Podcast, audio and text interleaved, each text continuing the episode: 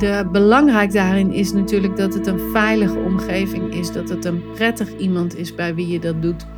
Dat je hebt gecheckt of je welkom bent. Want als je dat dan doet, dan geef je je lijf en je energiestelsel een hernieuwde ervaring van veiligheid en van gezien worden en van ontvangen worden.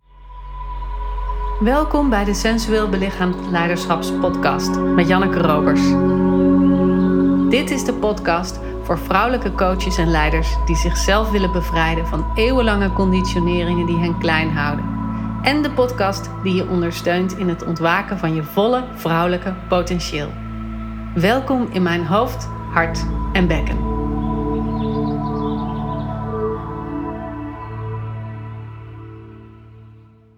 De vorige aflevering vertelde ik al dat we het gaan hebben over uitreiken. En waarom uitreiken een transformatieversneller is. En ik heb het daarover omdat ik twee afleveringen geleden het al had over de deep dive die ik gedaan heb met mijn voluit vrouw zijn groep. En dat daar zoveel onderwerpen in die driedaagse naar boven zijn gekomen waarvan ik denk dat ze zo voedend zijn om voor jou ook met je brein te begrijpen voordat het ook in het lijf kan landen. Soms kan het zo goed werken als je iets snapt, als je iets begrijpt, om dan er vervolgens een handeling aan te kunnen verbinden. Dus deze afleveringen ben ik wat aan het verdiepen op de onderwerpen die we in die deep dive van Voluit Vrouw zijn hebben behandeld. En uitreiken was niet een onderwerp wat we hebben behandeld, maar wel iets wat ik tegenkwam in die drie dagen. Er is geen enkele deelnemer geweest die niet heeft uitgereikt. En er is ook geen enkele deelnemer geweest die niet een bepaalde pijn of verkramping of moeite of auw heeft gevoeld in dat uitreiken naar elkaar of naar mij. En daarom vind ik het zo'n essentieel onderwerp om te behandelen. En het grootste deel van mijn luisteraars, waarschijnlijk val jij daar ook onder, is een vrouw tussen de 30 en de 50. Ik heb uitschieters, jullie zijn ook zeker welkom. Maar het grootste gedeelte van mijn doelgroep zit daartussen. En wij zijn vrouwen die opgevoed zijn met dat we onze eigen boontjes hebben te doppen. Dat we ervaren hebben dat dat kan. We hebben veel feministische golven meegemaakt en dus zijn we erop voorbereid om stevig in onze schoenen te staan, om te vechten voor wat we nodig hebben en dat we weten dat er ongelijkheid is, dus dat we steviger uit de hoek moeten komen om op te komen voor onze eigen verlangens. Dus een logisch gevolg daarvan is: we doen het wel zelf want de ander zal het niet voor ons doen. Daarnaast is we doen het wel zelf ook een reactie op wat we ervaren hebben in ons opgroeien. Dat we ooit niet kregen wat we zo nodig hadden en waar we zo naar hunkerden.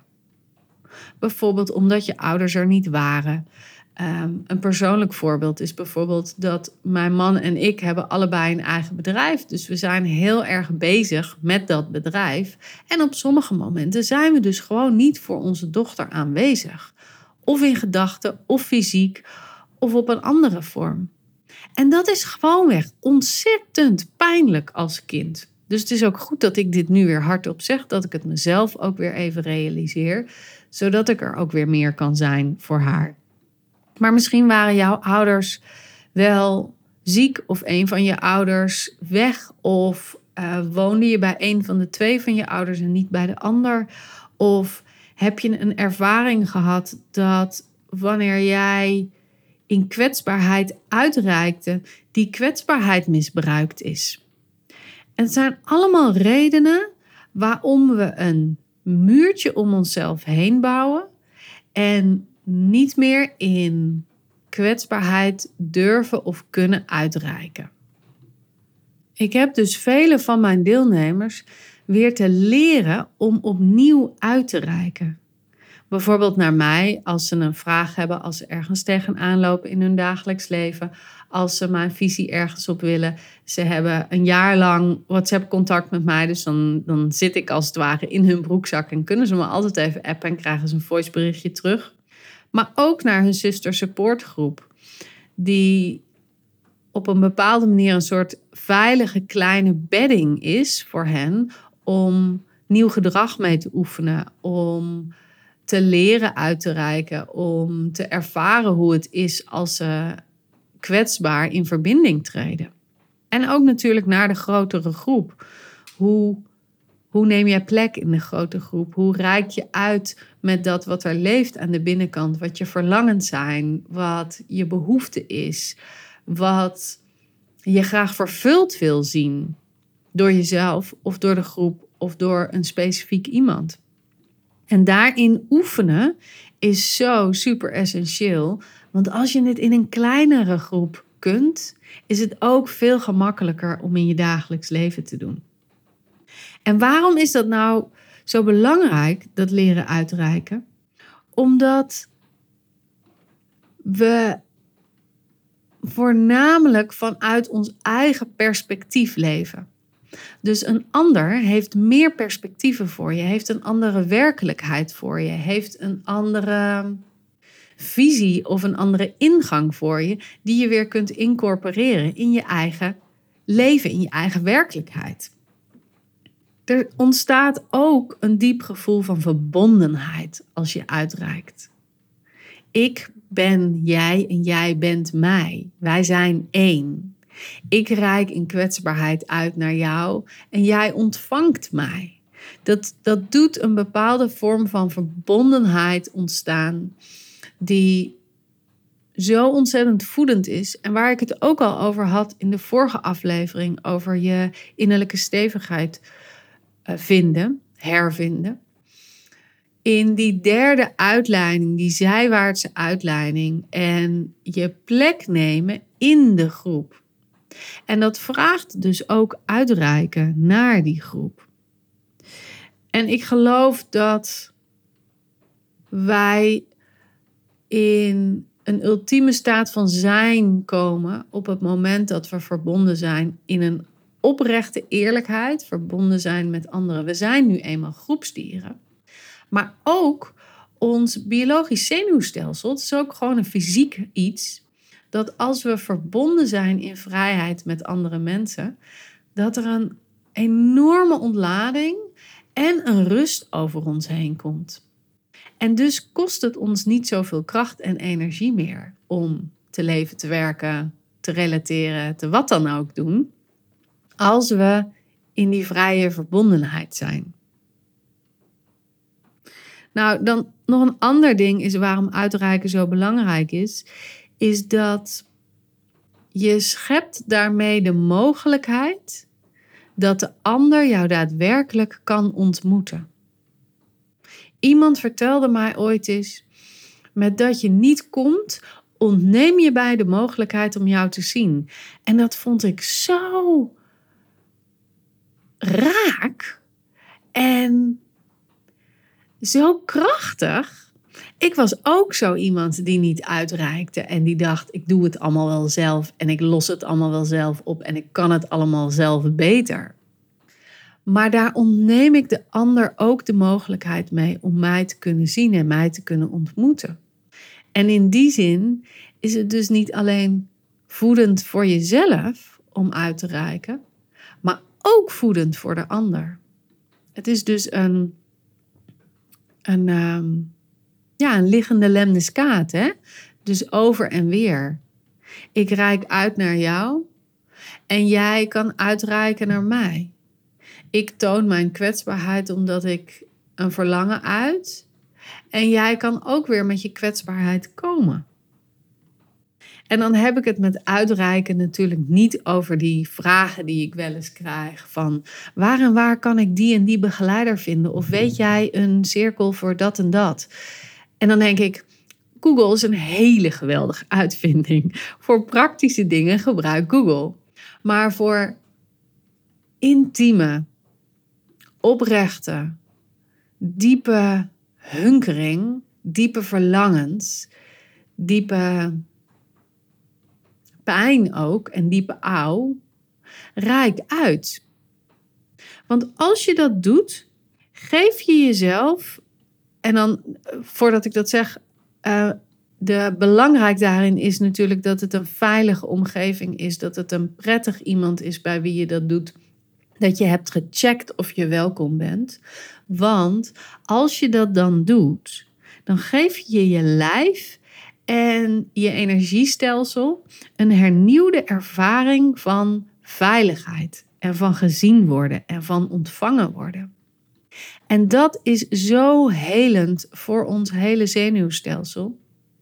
Want iedere keer in ons, in ons leven dat dat niet is gebeurd, dat we dus afgewezen werden op, ons, op onze vraag, op onze kwetsbaarheid, op ons komen, heeft ons zenuwstelsel een deuk gekregen. Er kwam een bepaalde vorm van verkramping in.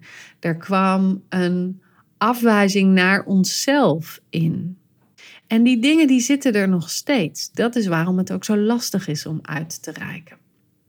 Maar als je dat dus doet bij mensen van wie je weet dat je ontvangen wordt.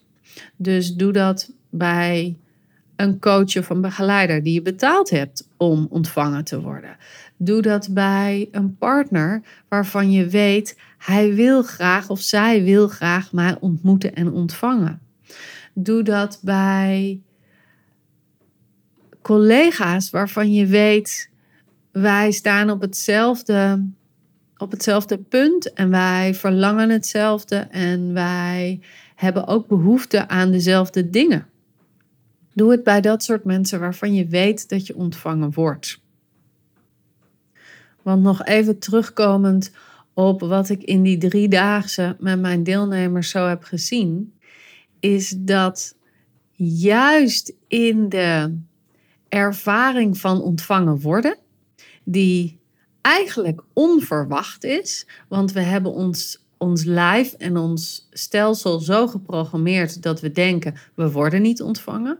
Maar we hebben dan een ervaring dat we wel ontvangen worden, dat mensen luisteren, dat mensen open zijn, dat mensen de onderlaag van jouw woorden kunnen horen en dat ze in de energie open zijn om jou te ontvangen.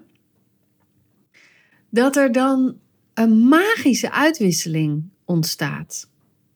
En misschien is het niet de gewenste uitwisseling die je met je hoofd hebt bedacht, maar het is wel een uitwisseling die van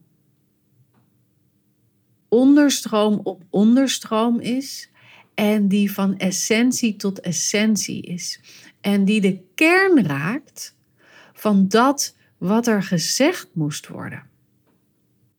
En nogmaals, dan heb ik het niet over de woorden, maar over wat er ervaren moest worden.